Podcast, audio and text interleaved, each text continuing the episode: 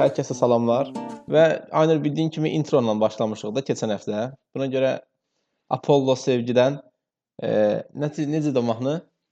Apollodan sevgiyə təşəkkür edirik. Daha doğrusu Apollon sevgi Xaş trəkinə. yeməyə gedirəm. Hə, Apollo xaş sözü. yeməyə gedirəm. təşəkkür Bu edirik. gündən bu həftə şey qoy. Bu mahnı, bu dəfə şey mahnı qoy. Bugün nə umud dolu o mahnı var ya, onu qoyarsan. Almıraq ya, bir dənə e, intro bir dənə olur. Doğarkən ağladı insan. hər həftə Niyə hər intro, dəfə bu şey ayrıcı? Bu gündən hər həftədən copyright-dan axı siləcəklər. İndi Apollonu qoyduq. Ümid edirəm qaqa şikayət eləməz bizi. İndi axı da. biz reklamda edirik də pulsuz. Bizim 9 Hə. dənə izləyicimiz var. 9 dinləyicimiz, 9 Ay dinləyicimiz Malik, mən var. keçən gün çox gülmüşəm. 9 dinləyicinin bir 4 dəfəsini özüm qulaq asmışam. Yox, sayılmır deyəsən. Ümumi, dən görüm neçə Elə? 12 dəfə dinlənib 8 ayrı adam tərəfdən. Belə idi deyəsən. Ha, okey. Ya. Keçən səfər öz ə, səs yazdığımda ət tökə-tökə qulaq asdım, yalan nə deyim. Çox gülmüşdüm. Yəni bir də çox uzun getdi. Yəni qız 8 neçə dəqiqə idi. Bu dəfə qısa kəsə test suallarımıza cavab verib, həm də mən orada çaxır gözləməyə gedirəm. Ha, tamamilə doğrudur. Bu arada bilmirik nə vaxt dinləyəcəksiniz. Düz bunu 31 dekabr tarixində rekord eləyirik. Və təbii ki, 2020-nin son hə, günü. son günü olduğu üçün biz də hələ 2020-dən danışacağıq. Bu gün Aynurun qəşəng bir ideyası var idi. Qəşəng bir e, ask yourself about a year belə bir mətn atdı. 5 dənə sualdan ibarətdir və biz bunlara cavab verməyə çalışacağıq ki, o aləmimizdə yenilik necə keçirmişik? 2020-ni daha doğrusu necə keçirmişik? Birinci sual belədir. Və orada əslində sual birinci sualdan başlama. Çünki o sualların məlumatı çatmadığından axırıncılar maraqlı idi. Yaxşı, də- Amma bir də oxuyub tərcümə eləmək o vaxt itiksidir. Qoy bax konkret deyim də. De. Nədən danışaq gəbə? Uğurlarımız nə oldu? Uğursuzluqlarımız nə oldu? Nə öyrəndik? Ay Hmm, bir bir bir kim də bir bir. Bir bir. Yox da yəni prosta ümumiləşdirirəm də. Yəni dal. kim kömək elədi bizə? Bir də orada dənə qəşəng sual var idi. Hı. Um, what what is the main lesson? Hə, də nə öyrəndik? Budur. Bir də hə, top 5 happiest moment. 5 xoşbəxt an. Bu da Yaxşı. sualdır. Nədən başla? Uğurlardan başlayaq. Hə, başla. Mən başlayım. Belə 2020-də Hə, da başlamışdı. başladı. Ha, statik başlamışdı mənim üçün. Sonra pandemiya falan oldu. Biraz da çöküşə keçdik. Ondan sonra da ki amma Hə. 2020-20-ci yarısı məsələn daha produk- produktiv keçdi də daha maraqlı idi. Ee, Yəni ki yeni bir işə girdim. Ondan sonra yeni bir işə girdin Aysa. Ha, yeni bir işə girdim. Ondan sonra magistra başladım. Aa, Rus dili öyrənməyə qərar verdim və ye- Rus dili öyrənirəm. Və yəni ki, bunlar uğur yeni hesab etmək olar. Sonra maşın aldım. Sonra bir yo, iki, ikinci maşını aldım. Keçid şeydə bir, qalmışdın desə. hə, keçid bir texniki Magistr. problemdən sonra yenə davam edirik. Hə, magistr idi. Sonra dedim maşın aldım. Sonra ikinci maşını aldım. Yəni belə uğur eləmək olar və ilin son saniyələrini bir kiçik səyahətlə tamamladıq. Və operativ ki, gələcəyin qulağından iraq. Yaxşı oldu. Uğur, uğurların yaxşı oldu yəni məncə. Ha, səndə necə bəs? şey. Hə, mən də bir dənə bir dənə ilan başını əzdi. Sən bilirsən, söhbətdən gəl. You know what I mean? İşimə davam edirəm. Ad çəkmək istəmirəm amma o Əhməd çox şərəfsiz biri idi. Heç ad çəkmədin. Qətiyyən. Sağ ol bala. Dəhşət. Heç nə. Ee, bir dənə yekə anakondan başını əzdik. Hı. işimə davam edirəm 4.50. Eee, yeni qərarlar vermişəm özüm üçün. Səsin getmişdi, amma ən axırda Hə. eşitdi qərarlar verməlisən. Nə qərarlar vermisən? Hə, qərarlar vermişəm. Yəni bu uğur sayılmır, amma mənim üçün ən azından bir addımdır da. Yəni bəzi şeylər var ki, onlar beynimdə oturuşdu. Eee, nə istədiyimi, daha doğrusu nə istəmədiyimi bildim. nə istəmədiklərimi. Çox detal ver verərək danış da. Başa düşmürük axı. Dənə dəftərim var mənim, oraya yazıram həmişə. Detal ver. Eh, yaxşısına da dedim də. Nəysə, hə, sonra ə, uğurum nə oldu? Round table-lara qoşuldum, yeni kurslar götürdüm. Ə, yeni insanlar qazandım. Məncə puldan da hər şeydən də önəmli o insanları qazanmaqdır. İndi mən şey başlamışdım, konsertdən başlamışdım. Səyahətlə birim. Biz əslində ə, keçən həftə də şey eləməli idik. Ə, Çox da münbit bir şərait var idi. İkimiz bir aradaydıq, amma eləmədik yəni. Hə, mən mən sorry, mənim mikrofonum mute idi. Yemək yeyirdin. Hə. Çox Keçən ciddi həftə həqiqətən podkast. bərabər idik, amma təəssüflər olsun ki, podkast eləməmişdik. Başımız qarışıq oldu biraz. Evet. Anyway, yaxşı, bəs 2000 Uğursuzluqdan danışaq. uğursuzluğa danışaq. Nə bilim, ə, nədən demək olar?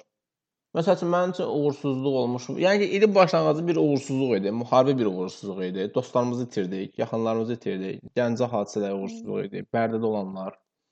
Yəni ki, bu şəxs olaraq birbaşa ölkə olaraq çox bir uğursuzluq yaşamışıq yəni. Kədərlər yaşamışıq. Mən də fikirləşirəm ki, uğursuzluqlar şey olaraq e, topluca bir uğursuzluqlarımız olsun. Müharibə özü insanlığın üz qarasıdır ki, biz onu təcrübə eləməmişdik. Gələcəkdə deyək ki, müharibə vaxtı zad belə danışacağıq da biz də. Hə. E, çox qəribə. Şey, komenda Okey. saat falan danışacağıq. Komendant saat ay sağ ol. Of. Nəysə ki, e, inşallah inşallah ki, bu e, universal enerji göndəririk ki, müharibədən, maskadan, koronadan hamısından bir yoluq vidalaşaq 2021-də. Yəni heç birini eşitmək, görmək istəmirəm.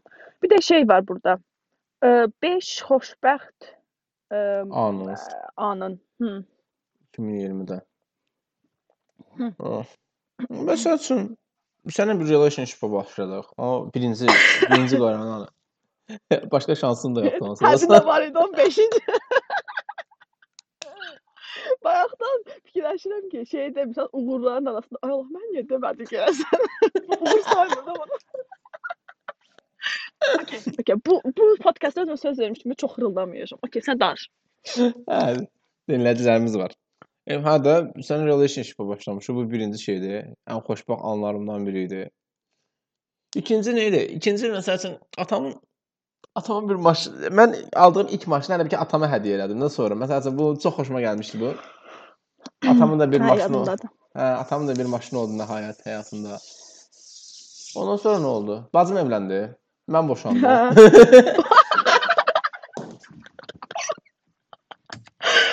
Okay. Hə, bunlar da şeydi, uğurlu momentlər idi. Ondan sonra nə deyim? Ən axırda 2020 Dördünü sonu sənə. Hə, Üç iki- dənəsini dedim. ən sonunda 2020-nin sonu səyahət və səninlə keçirdim. Yola verdim. Birincində məndən başladın. Axırıncı bir şey tapmadın ya. Axırıncını da məndən bitirdin də yəni. İşte biz də belə delikanlıyız da yəni. Ya kral. Nəysə mənim uğur var. Bu şey top 5 happiest Hə. momentum. Aha. Birinci e, şey deyim də ya sən mən dedim ki mən də sən deyin zaten. Okay yox. E, mən də e, top 5 birinci yəqin ki e, qoy ilin başından başlayım, sonra qabaqlar yadımdan çıxa bilər də. Baby sən axırda deyəcəm. Eee, birinci happy momentum o oldu ki, eee, doğrudan da müharibənin bitməyi. Həmin gün doğrudan üstümdən yük qalxmış kimi hiss elədim. Çünki əməl başda travma ilə, eee, yəni hamıya travma kimi gəldi. Mən, də daha yaxından şahid oldum da hər şeyin, prosesin. Müharibənin bitməyi mənim ən happy momentlərimdən biri idi. İkinci happiest momentum eee, yəqin ki, həmişə mən ona görə belə xoşbəxt olmuşam və şey eləmişəm. Təşəkkür eləmişəm Allaha. Ondan birincisi də mənim ailəmə görə idi ki, onlar sağ-salamatdır mənim yanımdadır. Bilirsən, mənim papam koronavirusu yendi. İkinci happiest momentum papamın koronavirusu yenməyi idi. Çünki o möcüzə kimi bir şeydir. Eee, bilirsən də özü detallara girmirəm. Eee, ondan sonraki üçüncü happiest momentum eee, bəzi şeylər var idi ki, sən işlə bağlı mən hansı ki qorxudurdu şeyləri danışmaq. Özümdə gücü tapdım və onu danışdım və onun da rizaltı çox qəşəng oldu. Mənim üçüncü ən happiest momentum idi. Ki doğrudan da eee, mən fikirləşmirdim ki, mən özümdə ha vaxtsa gücü tapa bilərəm. Eee, dördüncü happiest momentum sən idin ki, eee, gəlir səsim. Gəlir, gəlir. Eşidirik səni. Okay. Okay. Hə. Eee, sənlə zaten tanış idik də, amma belə bir şey ilə relationship ilə addım atmaq mənim üçün big deal-dir də. Eee, yəni belə bir şey qərar vermək ımm, nəsə. Sən idin anyway. 5-ci happiest momentum Təşəkkürlərimizi bildiririk. Okay. 5-ci happiest momentum. A 5-ci happiest momentum dediyim kimi sağ-salamat ili başa vurmaq idi. Yəni mən düzdür müharibə təsir elədi hamıya, koron korona təsir elədi, amma mən məsəl üçün dünən başa düşdüm ki, mənə o qədər də çox təsir eləməyib. Yəni şəxsən, yəni ya- yaxın bir çox yaxın insanımı itirmədim. Eee elə koronadan da olan kimi. Yəni sağ-salım, safe and sound ili qurtardıq, başa vurduq, itələdik itəri. Belə Həqiqətən il olaraq çox fərqli il idi. Yəni ki, pandemiya olmaq, ondan sonra 2-ci Qarabağ müharibəsinin gəlib düşməyi eləməyi çox fərqli idi həqiqətən. İnanılmaz şeylər sığışdırdıq bu illərə. Yəni ki, bir dəqiqə Malik, bir dəqiqə Malik, bir dəqiqə. Taşa! ha, bu arada Aynur məhlədəki iti çağırırdı. Bu hissəni tapıb silə bilməsəm üzrlü hesab eləyərsiniz indi də. İnşallah siləcəm. Toşu toşu deyilən hissə keçdi arada. Yox, e, bu it gətirmişik. O da məhəllədə ayrı itlərdə var. Bu da keçir olar, olar bilmirəm də, yəni nə ola bilər axırına.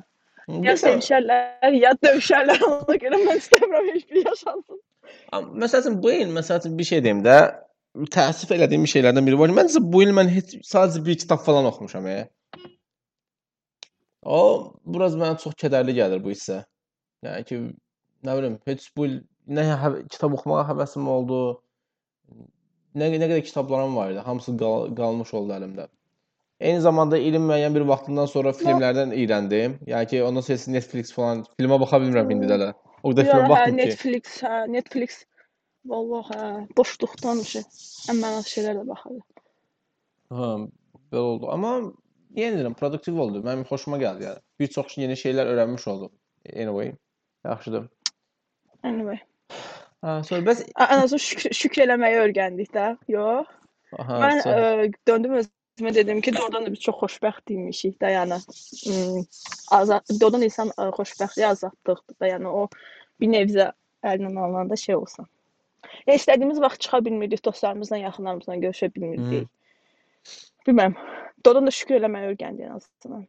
Bir də şey var ya burada sual var ki, kim sizə kömək elədi, kim sizi dəstəklədi ən çox? Kim dəstəklədi? Tamam, çətin sualdır əslində. Çətin sual deyil. Yəni ki, nə bilim, nə deyim, ilin çox vaxtı mən tək yaşamışdım hələ. Yəni pandemiyanın harasa uzun müddətli evdə tək oldum. Ondan sonra Hı. dost biz ondan sonra gəlib yenidən dostlarımla qalmağa başladım bir müddət. Hı. Ondan sonra həm ya yenə tək qalırdım, ya özüm qalırdım. Mənə yəni ki, belə sırf bu zamanlarda aman aman bir də həm də ki, bir də məsələ var idi. Müharibə yəni pandemiyanı az çox yola verirdik. Gücə müharibə girəndən sonra işlər biraz dəyişməyə başladı da. Düzdür. Orada da insanlar müəyyən cəbhələrə bölündü. Nə bilim, müharibə istəyənlər oldu, istəməyənlər oldu. Nə bilim, soyuqçular oldu, sağçılar oldu. Orada da məsələlər biraz dəyişmiş oldu. Yəni ki, biraz qarmaşıq bir dövr idi.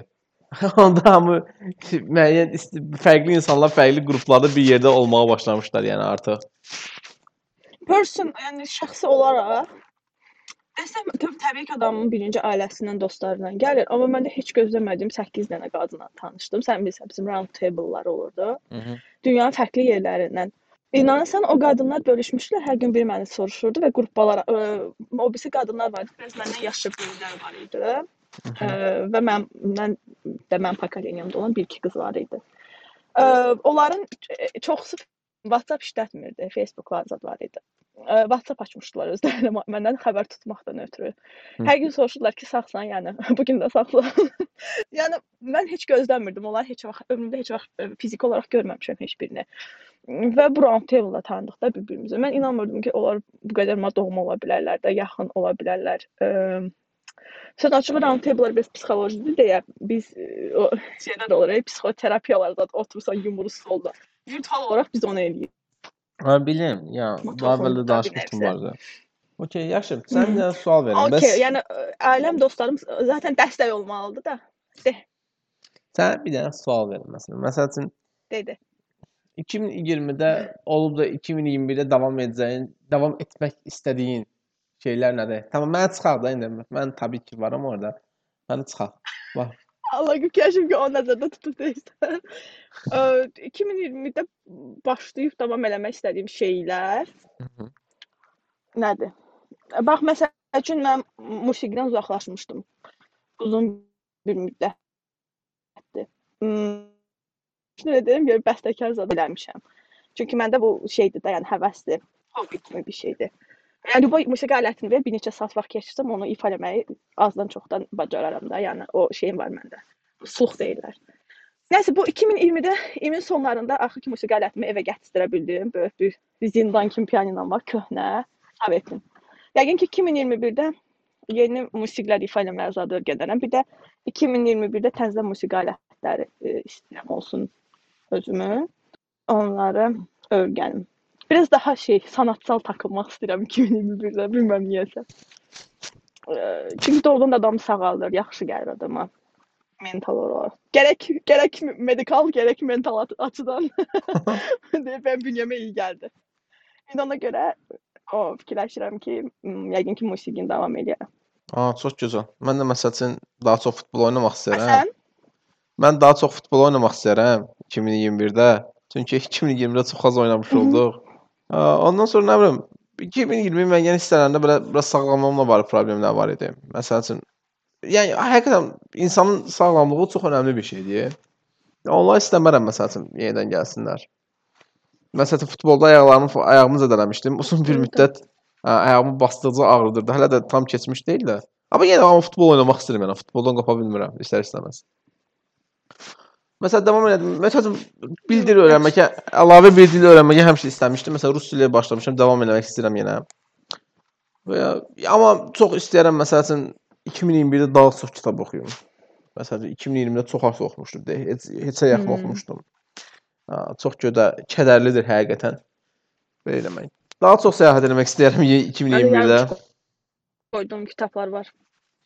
Bəlkə mən hə, o ya- yaralı yerimizdir da. Demə. Bəlkə mənim də vardı. Heç artıq unutmuşam. O qədər uzun müddət keçib ki. Sonra 2020-də davam də 2021-də. Bilmirəm, daha çox araşdırmacı bir insan olmuşdum 2020-də. Yəni 2021-də də davam etmək istəyirəm bunu. Yaxşı, bəs 2021-də davam etməyə etmək istəmədiyin şeylər nədir? Əm, davam etmək istəmədiyim şeylər nədir? Ə, bu məncə şeylə vərdişlərlə bağlı bir şey deyil. Yəni o, o vərdişlər də ola bilər. Məsəl üçün 2020-də ə, mən idman edirdim bir ara, sonra dayandım, sonra yoqaya başladım, sonra nə. Bunlar insan davam etmək istədiyim şeylərdir. Hansı ki, bunlar yarımçıq qoymuşam. Yarımçıq qoyduğum kitablar var bu arada. Sən demişdin, onları bitirmək istəyirəm falan. Amma davam e eləməyəcəyim şeylər bunlar duygusal şeylərdir, emosional şeylərdir. Hansı ki 2020-də e, bilmirəm, vəziyyət situasiyam elə gətirmişdi, ya bilmirəm, yaşadıqlarımız şeylərə görəmi dəhşət dəhşət şey olmuşdum. Bə bəlkə də insan olaraq yapım elədi də. Yəni hər şey ürəyimə salırdım, da dəhşət şey eləyirdim, duygusal davranmağa çalışırdım və yaxud da doğrudan da özümü zəiflədiyim vaxtlar güclü gö görsənməyə çalışırdım. Heç nə yoxmuş kimi davranmağa çalışırdım falan. Bunlar ə, doğrudan da duygusal olaraq insanı yıpradan şeylərdir də. Yəni 2021-də onları eləmək istəmirəm. Doğrudan da özümü pis edirəmsə, demək ki, pis edirəm. Bir də o orada bir dənə sual var idi. 2000 ə, də, yəni əsas olaraq nə dərs götürdün? Mən bu il əsas götürdüyüm dərslərdən biri ə, əgər yaxşı deyilsənsə, it's okay. Yəni özün yaxşı hiss eləmirsənsə, bu normaldır. Ə, və yaxud da hər zaman güclü olmaq məcburiyyətində deyilsən də. Yəni bu mənim də oradan götürdüyüm dərsdir 2020 üçün və m, bəzi şeylər var ki, qorxular var və s. Yəni bu ə, yəni ə, başa düşdüm ki, əgər güclü deyilsənsə və yaxud da nədənsə qorxursansa və yaxud da nəsə səni sıxırsa, bunu gizlətmə ə, çözüm yolu deyil də, yəni. Bu belə. İki suala da cavab vermiş oldum. Aa, çox qəşəng. Nə onda mən Sən bu- aldığın ən böyük dərs nə oldu 2020-də? Mənəm hər halda 2020 deyil də 2019 ilə 2020 arasında, yəni ki, əgər həyatım həyatın üzrə bir qərar verəcəksənsə, bu uzun müddət fikirləşməlisən. o oldu həqiqətən. Çox götür qoy eləməlisən. Yəni ki, ani bir qərar vermə sənin həyatında çox böyük dəyişikliklər eləyə bilər yəni. Ya bunu fikirləşdim ki, mən ümumiyyətlə o decision makerlar var da, mən tez qərar verməyi sevən biriyəm də, istənilən şeydə. Məsəl üçün ağlıma gələr ki, sabah bunu eləyim və eləyəcəm. Bəzən bu yaxşı olur yəni. Daha sürətli yol qət eləyə bilirəm. Amma bəziləri isə yəni ki, bunun e, o bir dənə SWOT analiz deyilən bir şey var. Bilmirəm bilirsən, bilmirsən. Yəni şeydə strengths, weakness, Mhm. e, sonra threadlər falan. Yəni ki, bir qərar verəndə 14 dənə hissəyə bölünür və bunun gücü və zəif tərəfləri araşdırılır. Bunun necə təsiri, mənfi təsirləri və müsbət təsirlərinə baxılır da.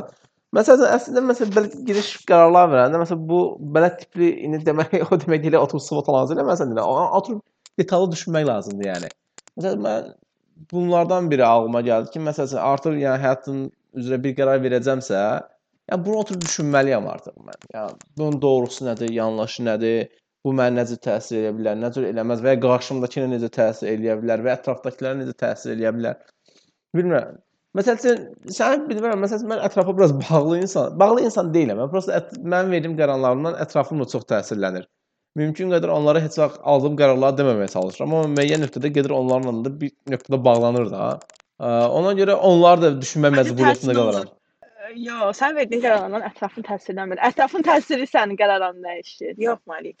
Sən sən verdiyin qərarlar ətrafına necə təsir edə bilər ki? Sən verdiyin qərarlar ətrafına təsir eləmir. Ətrafının fikirləri sənin qərarlarına təsir edir prosta. Ətrafındakı fikirlər. O da o da bir. O da bir şey. Niyə sən qərarların sən məsələn sən xarica çıxıb getsən.